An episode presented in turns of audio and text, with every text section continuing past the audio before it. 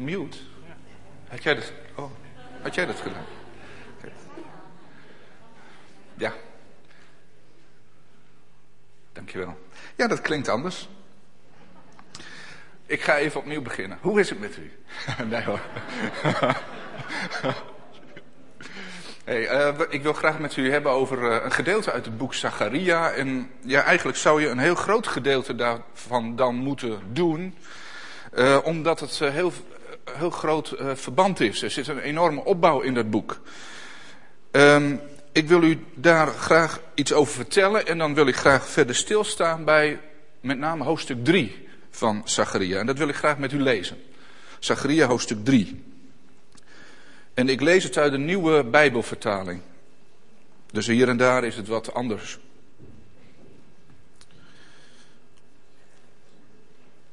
Vervolgens liet hij mij de hoge priester Jozua zien. Deze stond voor de engel van de Heer met aan zijn rechterhand Satan die tegen hem pleitte. De engel van de Heer zei tegen Satan, de Heer zal je het zwijgen opleggen. De Heer die Jeruzalem heeft uitverkoren, zal jou het zwijgen opleggen. Is deze Joshua niet een stuk zwart geblakerd hout dat uit het vuur is weggerukt? Nu was Joshua in vuile kleren voor de engel verschenen.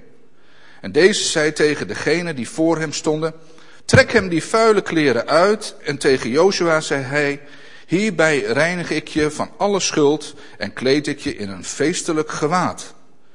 Ik zei, ze zouden hem een nieuwe tulband moeten omdoen. En ze deden hem een nieuwe tulband om en kleden hem aan in het bijzijn van de engel van de Heer. De engel verzekerde Joshua, dit zegt de Heer van de hemelse machten, indien je mij gehoorzaamt en mijn voorschriften in acht neemt, Indien je mijn tempel beheert en mijn voorhoven bewaakt, zal ik je opnemen in deze kring. Luister, hoge priester Jozua, jij en je priesters die voor je zitten en die in staat zijn om tekens uit te leggen. Ik zal mijn dienaar sturen, de tellig, aan de stam van David.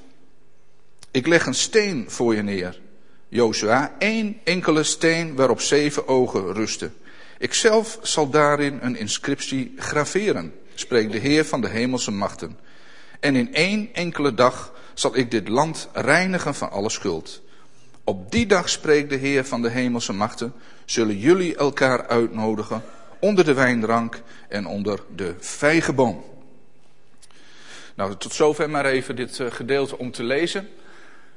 Wat we moeten verstaan als we in het Oude Testament gaan uh, spitten, gaan graven, gaan leren, dan uh, moeten, we, moeten we begrijpen dat het hier gaat om profetie. En dat het hier gaat letterlijk om het volk Israël. Hier wordt gesproken over het volk Israël. Het gaat over het volk Israël. En uh, een profetie die heeft, heeft twee, twee kanten. Het is, uh, het is waarheid voor het volk van Israël in de toekomst. Maar het is altijd waarheid en van toepassing ook op ons. We kunnen het Oude Testament niet afdoen met van ja, dat gaat over Israël, dat is oud, dat is de wet. Het Oude Testament gaat wel degelijk, geldt wel degelijk ook voor ons in die zin dat wij er onderwijs uit kunnen halen. We kunnen er verschrikkelijk veel van leren, juist omdat wij weten dat elk schriftwoord uit het Oude Verbond, uit het Oude Testament, is vervuld in onze Heer Jezus Christus. Daarom juist. En omdat wij hem toebehoren, mogen wij weten dat ook wat in Zachariah staat, is vervuld in Jezus Christus. En ook nog vervuld zal worden natuurlijk verder in de toekomst. Maar is vervuld in Jezus Christus ook voor ons. Dat vind ik altijd wel belangrijk om even te zeggen. Want anders dan, ja, dan vliegt het soms alle kanten op. En het ene sluit nooit het andere uit. Wat gebeurt er in het boek Zacharia? De geschiedenis van het volk is daar dat, uh, dat ze in ballingschap zijn geraakt. Ongehoorzaam geworden aan God. Veel koningen hebben afgodsbeelden gemaakt. Er is vreselijk veel misgegaan. En God had door de profeten al zo vaak tegen het volk gezegd: Als jullie hierin blijven volharden, zal ik jullie verstrooien onder de volken. En dat is gebeurd. En de profeet Zacharia had ook een collega, Daniel. En Daniel had in zijn boek geschreven dat het 70 jaar zou duren voordat het volk zou terugkeren. En uh, Zacharia wist dat. En die, die zegt ook, en dat gebeurt dan in de eerste hoofdstukken, van Heer, hoe lang duurt het nou nog? Het is al 70 jaar, hoe lang duurt het nou nog? Hoe lang duurt het nu nog dat u de boel gaat herstellen? En dan krijg je een paar geweldige profetieën over het herstel van Jeruzalem. En dat Jeruzalem opnieuw gebouwd zou worden. Dat de tempel opnieuw gebouwd zou worden. En dat, dat daar een, een heerlijke koning zou uh, zitten op de troon in Jeruzalem. Geweldig. Dat is een toekomst. Maar dan moet er wel eerst iets gebeuren. En daar gaan hoofdstukken 3, 4, 5, 6, 7 en 8 over. En ik kan het niet laten om toch u even daarin mee te nemen. Wat, wat gebeurt hier? We zien allerlei beelden. Uh, Zacharia is de profeet van de, van de visioenen, van de beelden die, die er zijn. Hij ziet eerst de hoge priester in hoofdstuk 3 in vuile kleren, daar ga ik straks dieper op in. Maar in hoofdstuk 4 zien we de koning. In hoofdstuk 3 wordt het hoge priesterschap gereinigd en, hersteld. In hoofdstuk 4 wordt het koningschap gereinigd en hersteld. In hoofdstuk 5 zien we een vliegende boekrol. Dat is geen kleintje, dat is ongeveer 9 meter groot als je dat, uh, dat uitrekent. Een vliegende boekrol en het gaat over het woord van God, waar men ongehoorzaam is, is geworden. En dat gaat erover dat men uh, zich moet bekeren van list en bedrog en, en al dat soort uh, dingen. Het gaat er heel veel om dat men elkaar gewoon loopt te bedriegen en valse weegschalen heeft en al dat soort zaken. Dat wordt bevestigd door een tweede beeld daarin. En dat is een vrouw die zit in een, in een, uh, in een maat meel. Heel raar. Als je dat ziet, dan denk ik altijd, wat gaat er door je heen? Dan ga je denken van, heer, wat betekent dit? Nou, daar gaat het erom dat, dat, dat de handel in Israël in die tijd vol bedrog zat. Mensen kregen minder waren voor hun geld. Een verkleinde Eva wordt dan over gesproken. Met een Eva met een F. Een verkleinde Eva, dat, dat, had dan bijvoorbeeld een kilo moeten zijn en het is maar 800 gram. Zo moet je het voorstellen. Daar hebben wij de eikwet voor in, in het leven geroepen. Maar dat gebeurde. Men bedroog elkaar gewoon. En uh, de dupe, wie was altijd de dupe? Dat was de gewone man natuurlijk, het gewone volk. En de, de, de, de, de uh, bovenlaag van het volk verrijkte zich en de onderlaag van het volk werd steeds armer. Men keek niet om naar weduwe en wezen. En de Heer zegt in dat hoofdstuk 5 dat dat hersteld moest worden. En in hoofdstuk 6 zien we vervolgens dat, dat uh, het koningschap van Christus zijn uitwerking gaat krijgen over de hele wereld. Hoofdstuk 7 gaat over het, uh, uh, een bemoediging. Het gaat over het vasten. Het gaat over de houding. Of is dat hoofdstuk 8? Het gaat over de houding, de hartshouding. Nou, hoofdstuk 8 gaat er dan om dat het koninkrijk van Jezus Christus werkelijk gestalte krijgt. Wat gebeurt er dus? Even op een rij. Het eerste wat moet gebeuren is het herstel van het priesterschap. Het tweede wat moet gebeuren is het herstel van het koningschap. En dan wordt tussen de regels door even gezegd van, let op, er komt een tellig, eh, voor de oude vertaling een spruit dan wel een reisje uit de stam hè, van Isaï. Er komt een spruit voort, een teller, die, waarin het koningschap en het priesterschap verenigd zullen zijn. Onze Heer Jezus Christus. Daar wordt hier al op vooruitgekeken. Dat is prachtig om te zien. Maar eerst hoge priesterschap en koningschap hersteld. Vervolgens moet het recht worden hersteld in het land zelf. En vervolgens zal vanuit die, die veranderde handel en wandel van het volk Israël de invloed zijn over de hele wereld. Ik vind het een geweldig mooie lijn. Want het begint namelijk binnenin. God werkt van binnen naar buiten toe. Het begint met het priesterschap. Het begint met het koningschap van Jezus Christus in je leven te herkennen. En als we dat willen toepassen als het gaat om herstel. Als het gaat om het, het uh, om herstel van een gemeente. Als het gaat om herstel van, je, van jezelf omdat je uh, de weg bent kwijtgeraakt. Of omdat er in je leven dingen zijn gebeurd die je hebben gebroken of kapot gemaakt. Als het gaat om herstel van je leven. Begint het altijd met de aanvaarding. En, en dat is natuurlijk een, een, heel erg basis wat ik nu zeg. Heel erg fundament. Maar daar hadden we het over, had ik begrepen. Hè? Dus dat is wel mooi. Dat begint met het erkennen van Jezus Christus als je verlosser. Dat begint bij je hart. De Heer zegt, ik geef je een nieuw hart. Vervolgens heeft die verandering van je hart en het ontvangen van Gods geest heeft effect op je handel en wandel. En niet andersom. Het is niet van buiten naar binnen. Het is niet zo, ik moet mijn leven nu gaan veranderen en dan uh, gaat God mij wel aanvaarden. Gelukkig niet. Want dan zou niemand van ons dat kunnen redden. Ik wil graag met u kijken naar hoofdstuk 3. De hoge priester, het priesterschap van God wordt hersteld. Als we nu kijken in deze tijd. Wie is onze hoge priester? Dat is Jezus Christus. Hè? Jezus Christus, onze hoge priester. Hij is met zijn eigen bloed het heiligdom ingegaan. Hij bidt en pleit voor ons bij God de Vader. Hij is onze hoge priester. Maar hoe is het met, met de gemeente?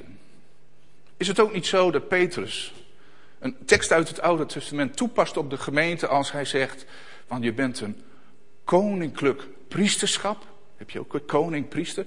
Jullie zijn een koninklijk priesterdom. De gemeente is een priester. De gemeente hoort God te dienen. Fungeert ook als spreekbuis van Jezus Christus naar de wereld toe. Ja? Dus we zijn ook priesters. Hier ziet Joshua iets staan. Uh, sorry, Zacharias ziet Joshua staan. En er gebeurt een heleboel. Ik lees vers 1. Vervolgens liet hij mij de hoge priester Joshua zien. Deze stond voor de engel van de Heer met aan zijn rechterhand Satan die tegen hem pleitte. In een andere vertaling staat met Satan die hem aanklaagde. En dat is altijd wat Satan doet. Hij klaagt aan. Wat zou Satan hier gezegd hebben? We hebben het net gelezen. Wat zou de aanklacht van Satan geweest zijn tegen Joshua? Jij kan de Heer niet dienen, maar je hebt vuile kleren aan. Weet je niet dat er in de wet staat dat je hartstikke schone kleren aan moet hebben? Jij kan de Heer niet dienen, je hebt vuile kleren aan, je bent niet goed genoeg, enzovoort, enzovoort. Dat is wat Satan constant zit te doen. Ook bij ons. Ook bij ons. Je bent niet goed genoeg. Gisteren deed je het weer, hè? Je was weer boos. Je zat weer te schelden op je vrouw. Je bent niet goed genoeg. Hoe durf jij hier te gaan staan preken? We kijken wat je allemaal doet. Satan klaagt aan. Kijk eens wat er in het woord van God staat. Weet hij heel goed, hè? Satan. Kijk eens wat er staat. Je bent niet goed genoeg. Je mag niet. Je kan niet. Je bent een zondaar. Ik wil even met u kijken naar het Nieuwe Testament. Daar komen we tegen ook de aanklager Satan in Openbaringen 12. Wilt u daar eens met mij naartoe bladeren? Openbaringen 12.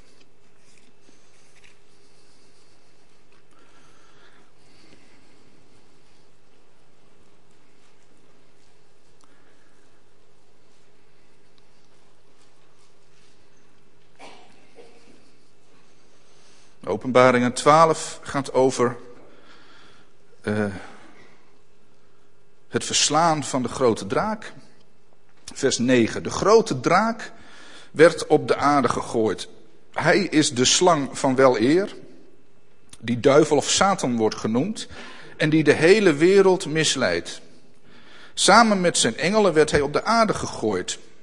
Toen hoorde ik een luide stem in de hemel zeggen: Nu zijn de redding, de macht en het koningschap van onze God werkelijkheid geworden en de heerschappij van zijn Messias. Want de aanklager van onze broeders en zusters, die hen dag en nacht bij God aanklaagde, is ten val gebracht. Hier heb je hem ook, hè? de Satan, de aanklager. Dag en nacht. De aanklager van onze broeders. Doet hij dat voor God? Zit hij aan te klagen? Het is een rechtszaak waar, waar we hier een beeld van zien. Dus de aanklager. Die wil iemand, wil dat de rechter, God, straf gaat geven. Maar die aanklager is ten val gebracht hier. En nu staat daar, en dat is wel belangrijk om mee te nemen in vers 11. Zij, dat zijn die broeders, hebben hem, dankzij het bloed van het lam en dankzij hun getuigenis, overwonnen. Ja? Zij hebben hem overwonnen. Hoe? Niet door er tegen te vechten. maar door het bloed van het lam. En door het woord van hun getuigenis. Weet je, in Zacharia 3 wordt Satan ook het zwijgen opgelegd door de engel. De Heere zal je het zwijgen opleggen. De Heer die Jeruzalem heeft uitverkoren, zal jou het zwijgen opleggen. Is deze Josia niet als uit het vuur gerukt voor mij? De Heer zal je het zwijgen opleggen. En dat is ook wat natuurlijk is gebeurd.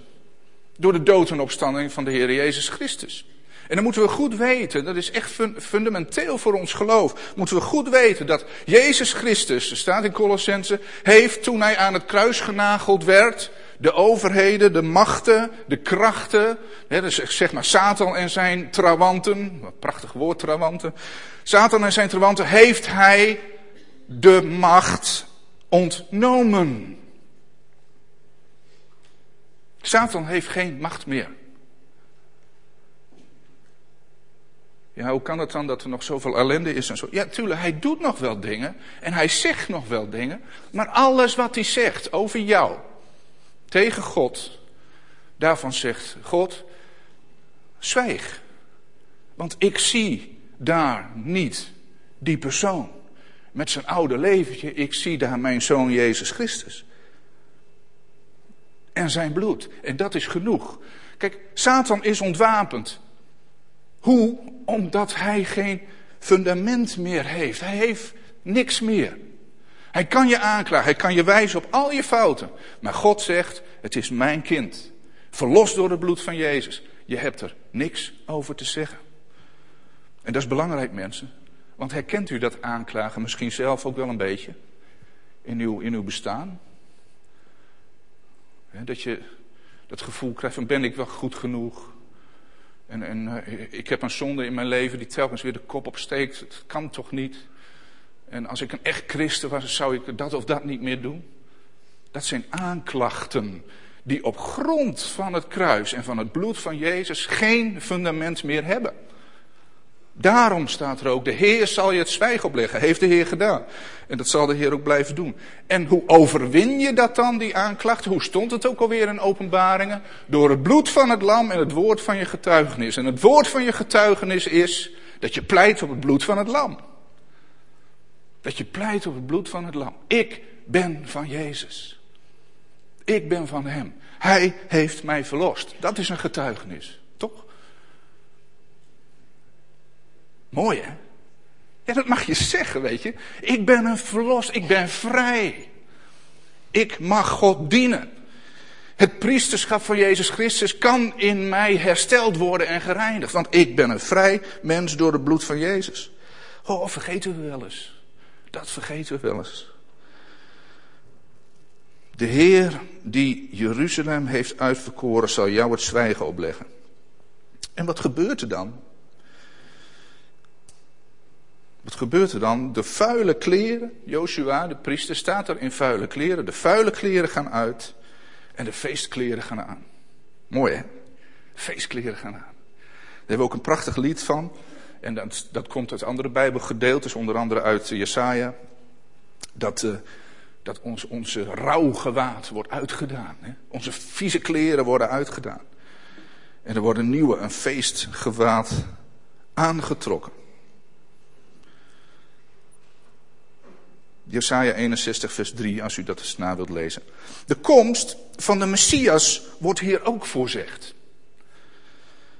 Ik kom straks nog even terug op die kleren, maak u geen zorgen. De komst van de Messias wordt ook voorzegd. Er wordt voorzegd dat er een telg zal komen uit, uit, uh, uit de stam van David. En dat die de tempel zal bouwen. En dat is geweldig om te zien dat dat verband ook direct wordt gelegd. Het gaat niet om het menselijk hoge priesterschap, het gaat om Jezus Christus. De telg, die, die wordt meestal spruit genoemd. Daarvan wil ik ook even met u naar Zachariah 6, vers 12 kijken. Want het is niet alleen in, uh, in hoofdstuk 3, bij het hoge priesterschap, dat de komst van Jezus wordt voorzegd, maar ook in hoofdstuk 6.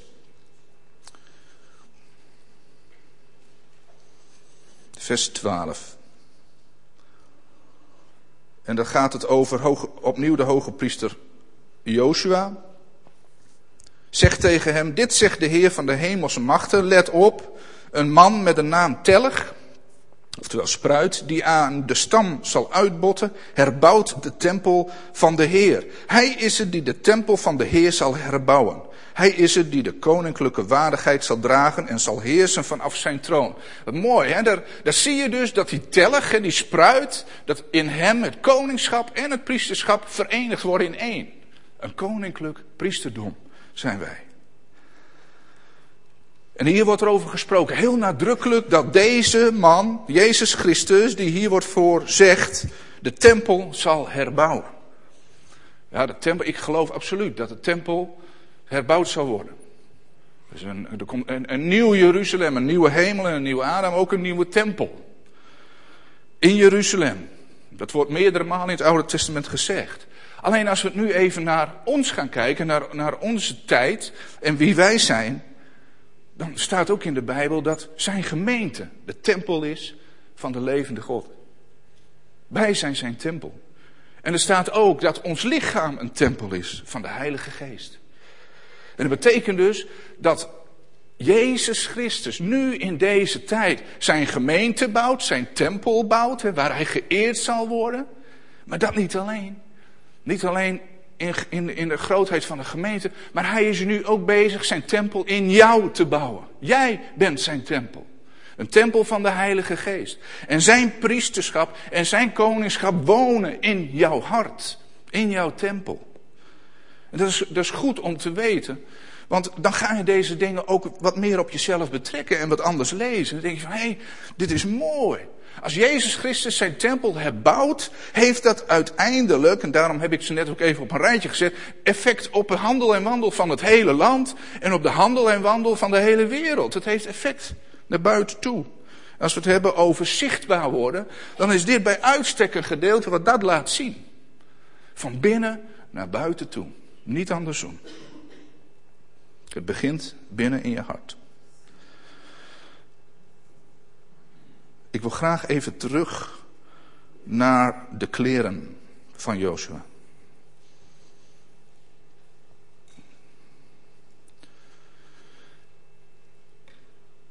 Ik ga even met u naar. Uh, eens even kijken, wat zal ik eens doen? Openbaringen 20, vers 6. Het is maar eventjes. Openbaringen 20. Even nog om te ondersteunen wat ik net gezegd heb. Dat het koninkrijk van Christus wordt gevestigd in ons leven, dat wij koningen en priesters zijn met Hem. Openbaringen 20, vers 6.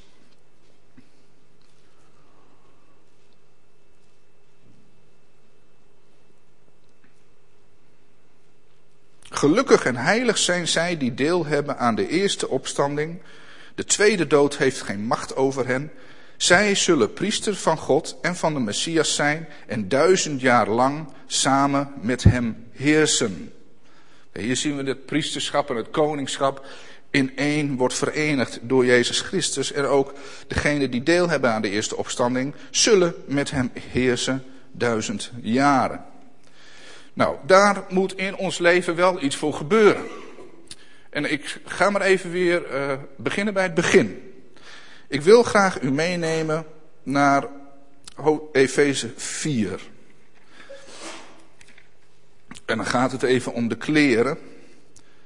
En hoe God van binnenuit naar buiten toe in ons leven werkt. Hoofdstuk 4 van Efeze.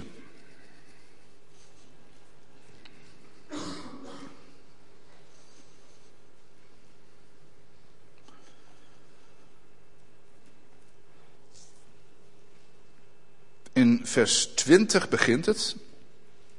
En dat is een uh, vrij bekende tekst. Ga je geheel anders. Ga je Christus leren kennen.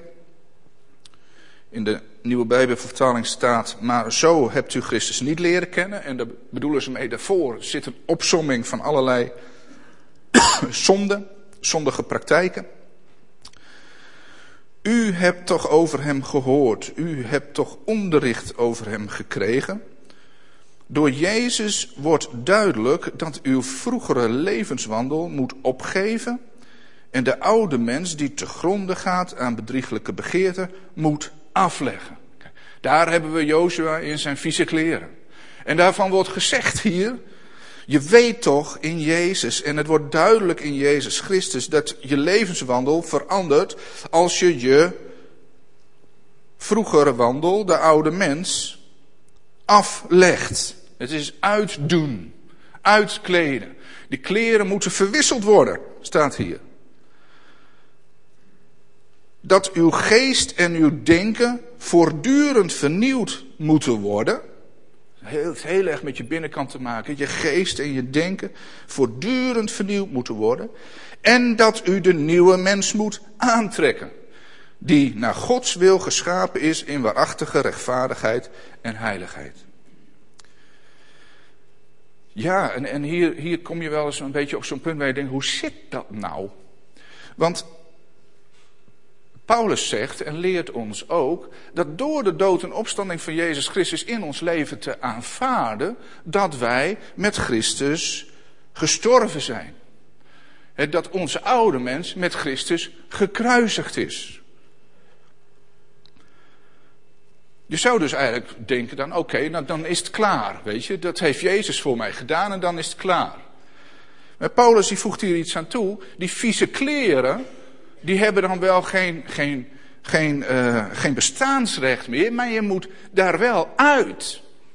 Ik, ik zal het proberen zo uit te leggen. Even kijken hoor. Oh, daar blijf ik af. En hier heb je een, een streep zo. Ja, ziet, ziet u die? Ik kan hier wel staan, hoop Ja? Hier heb je zo'n lijn. En eigenlijk wat, wat Jezus voor je heeft gedaan, is, is, is zeggen, doordat jij hem aanvaard hebt, hè, wat Jezus voor je heeft gedaan, is dat je over die streep bent gekomen. En dit is je oude mens. En als je over de streep komt, kom je in een andere wereld. Hè? Je, je bent een nieuwe mens geworden. Je bent in het koninkrijk van God gekomen. Uit de duisternis naar het licht. Ja? Oké. Maar dat verandert nog niks aan mijn kleren. Als ik deze streep overgetrokken word. Ik kan nog leven alsof ik daar was. Toch? Dat is een keus. Ik kan dan wel volgens de wet en de regels overgeplaatst zijn. Maar ik kan nog handelen alsof ik daar woonde. Wie kent daar een voorbeeld van uit de Bijbel? Dat dat gebeurt. Dat is een heel, heel, eh, heel eenvoudig voorbeeld. Uh, het volk Israël werd uit, uit Egypte verlost. En ze waren nog maar net over de streep. En ze gingen alweer zo zich gedragen als waren ze nog in Egypte. Kent u dat? Nou, dus daar zijn wij mensen vreselijk toegeneigd. We worden door God in een heel andere omgeving gezet. Een nieuwe mens wil hij ons geven. En een nieuw koninkrijk en een nieuwe omgeving. Geestelijke omgeving dan wel. En we leven als oud. Dat moet je dus afleggen. Dat is een keus. Dat is een keus. En op grond van het bloed van Jezus mag je die keus maken en zal hij je door zijn geest helpen om dat ook te kunnen doen. Om die oude wandel, handel en wandel, wat je zo gewend was te doen, wat vol zat van zonde, om dat niet meer te doen. Dat is het afleggen. En het is echt niet eventjes, hup uit op de kapstok of weg ermee en nou is alles nieuw. Voor God is wel alles nieuw, maar in jouw handel en wandel en in jouw leven niet. En dat weten we zelf vaak ook maar al te goed. We gaan de fout in. We hebben levenspatronen uit ons oude bestaan die moeilijk zijn te genezen, te herstellen. Maar God wil het wel herstellen. Maar het is ook een echte keus om af te willen leggen die oude mens. En daar houdt het niet mee op, want je denken, zegt Paulus hier, moet voortdurend vernieuwd worden. En je moet die nieuwe mens aandoen. En die nieuwe mens is geschapen in waarachtige rechtvaardigheid en heiligheid. Die is perfect. En die mag je aantrekken. Die mag je aandoen. Dat mag je omarmen. De vuile kleren van Jozua gaan uit. Hij krijgt nieuwe kleren aan en een feesthoed op. Oh nee, tulband, hè, zo'n tulband om. Hij ziet er prachtig uit. En Satan vinden we in heel Zacharia niet meer terug. Hebt u, de, hebt u dat gezien? Zie, zien we echt niet meer terug. Die is volledig het zwijgen opgelegd. Maar dan komt er een stuk praktijk. Hè? De oude mens uitdoen, de nieuwe mens aandoen. Wat betekent dat dan? Nou, volgens mij zegt Paulus dat keurig. In het vervolg van dat gedeelte. Leg daarom de leugen af, vers 25 van Efeze 4, en spreek de waarheid tegen elkaar. Vergelijkt u met, uh, met het gedeelte Zacharia, waar de leugen weg moet uit het land en het bedrog. Wat betekent dat dus, die oude mens afdoen? Dat betekent dat je niet meer liegt en dat je met elkaars waarheid spreekt. Want we zijn elkaars ledematen. Als u boos wordt, zondig dan niet. Laat de zon niet ondergaan over uw boosheid. Geef de duivel geen kans. Laat wie steelt niet meer stelen, maar eerlijk de kost verdienen door zelf hard te werken om iets weg te kunnen geven aan wie het nodig heeft. Laat geen vuile taal over uw lippen komen, maar alleen goede woorden waar nodig, opbouwende woorden die goed doen aan wie ze hoort. Maak Gods Heilige Geest niet bedroefd, want hij is de stempel waarmee u gemerkt bent voor de dag van de verlossing. Laat alle wrok en drift en boosheid varen, alle geschreeuw en gevloek en alle kwaadaardigheid. Wees goed voor elkaar en vol medeleven. Vergeef elkaar zoals God u in Christus vergeven heeft. Het is zo simpel, zoals het hier staat. Leg dingen af, je oude patronen, zoals men in de wereld leeft, en spreek waarheid, lieg niet meer, steel niet meer, werk gewoon met je handen en wees goed voor elkaar. Nou, dat is toch mooi. Ja, dat vind ik mooi. dat, dat Paulus iets zegt over oude nieuwe mensen en dat hij dan gaat, precies gaat zeggen hoe het zit. Dat is mooi, want wij zijn geneigd om dingen soms wat te ingewikkeld te maken. Ik wil even tot een conclusie komen. Christus herstelt zijn tempel. Christus herstelt zijn koninkrijk. Christus wil dat ook in de gemeentes doen in Nederland. Christus wil dat ook in uw harten doen. Waar begint dat? Wij zeggen ook wel, hè, ook door de wereld om ons heen, van hoe lang nog heren, hè? hoe lang duurt het nou nog, wanneer komt u nou eens terug? We willen zo graag rechtvaardigheid. Maar hoe begint dat? De Heer begint. Met het reinigen van het priesterschap, het reinigen van het koningschap. Werkelijk het dienen van God. Kan omdat Jezus koning is in je hart. Kan omdat Hij onze hoge priester is. Hij wil dat u Hem dient. Je bent een kind van God geworden. Niet om een goed gevoel te hebben, maar omdat God wil dat je Hem dient.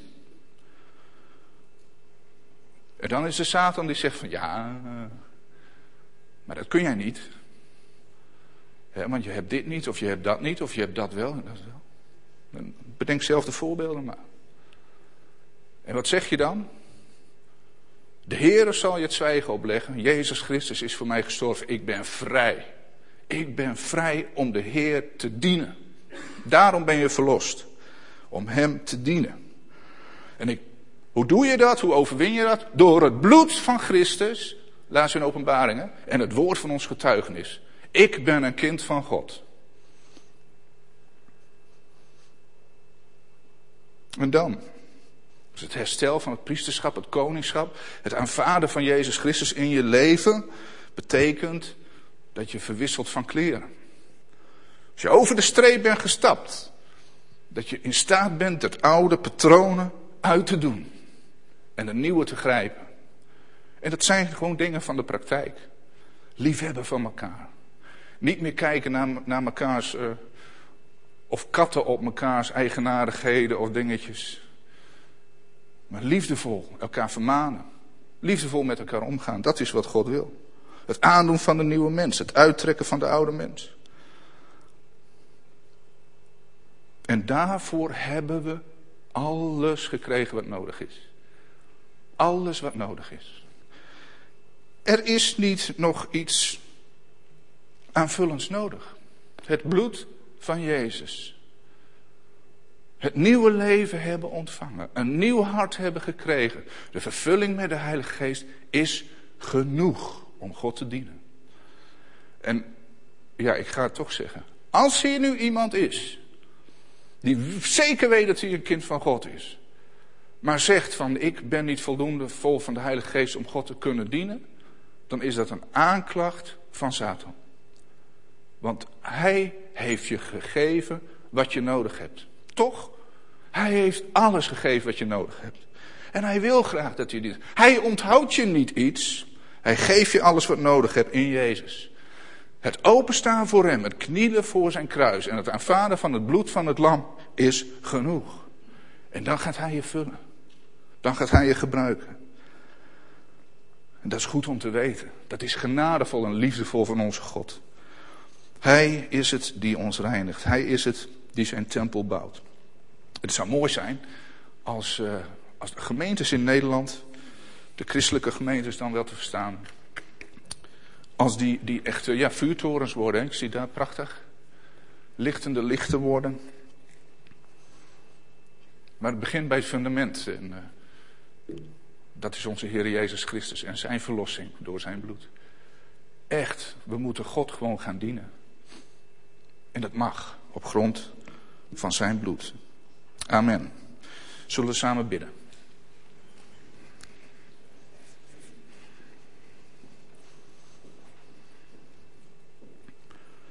Vader in de hemel, ik ben u dankbaar dat u uw zoon Jezus Christus voor ons gegeven hebt. Dat hij de weg is voorgegaan. Heer, dat hij ons onze weg heeft laten zien. Die eh, gaat door dood, maar ook vooral door opstanding. Die gaat van het afleggen van het oude en het aandoen van het nieuwe.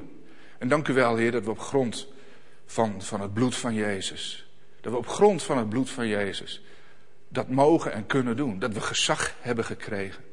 Heren, dank u wel. Dank u voor die volledige verlossing die er is in Jezus. Dat er geen aanklacht meer is, dat er geen verdoemenis meer is, zoals in de oude vertaling staat, voor degenen die in, in Christus Jezus zijn. Heren, dat we in u volmaakt zijn. Heren, dat we in u compleet zijn. Heren, dank u wel dat u in Christus alles hebt gegeven wat we nodig hebben. En daar dank ik u voor. Heren, dank u wel. Heer, dank u wel dat we uw woord hebben, waarop we telkens weer mogen terugvallen. Heer, het woord van ons getuigenis. Heren, dank u wel dat we het bloed van het lam hebben, waarop we mogen pleiten. Geen andere pleitgrond hebben wij dan het bloed van Jezus. Niets anders maakt ons vrij. Dank u wel daarvoor. Heren, ik wil bidden, Heer, als we straks weer naar huis gaan, dat we ook uh, bij na zullen denken, Heer, dat we ons niet laten aanklagen, Heer, over allerlei dingen. Heer, maar dat we mogen weten dat als we onze zonde beleiden, dat het bloed van Jezus Christus ons reinigt van alle ongerechtigheid. En dat, dat de Satan dan geen enkele grond heeft. Heer, dank u wel daarvoor. Dank u, Heer, dat we vrij mogen zijn om u te dienen. Ik wil bidden, Heer, ook voor deze gemeente, voor deze mensen. Heer, dat u hen vult met uw Heilige Geest, Heer. Dat u hen eh, vult, Heer, zodat, zodat u ten volle, uw gaven ook ten volle tot uiting en tot zijn recht mogen komen. Heer, want ook die hebt u gegeven. Dank u wel daarvoor. Heer, zo prijzen wij uw naam. U bent de grote koning. U bent onze hoge priester. U bent het die Jeruzalem bouwt, Heer. U bent het die de tempel bouwt. U bent het die uw koninkrijk herstelt. Heer, en dat begint bij uw gemeente. Dat begint in ons eigen hart. Dank u wel daarvoor. In Jezus' naam. Amen.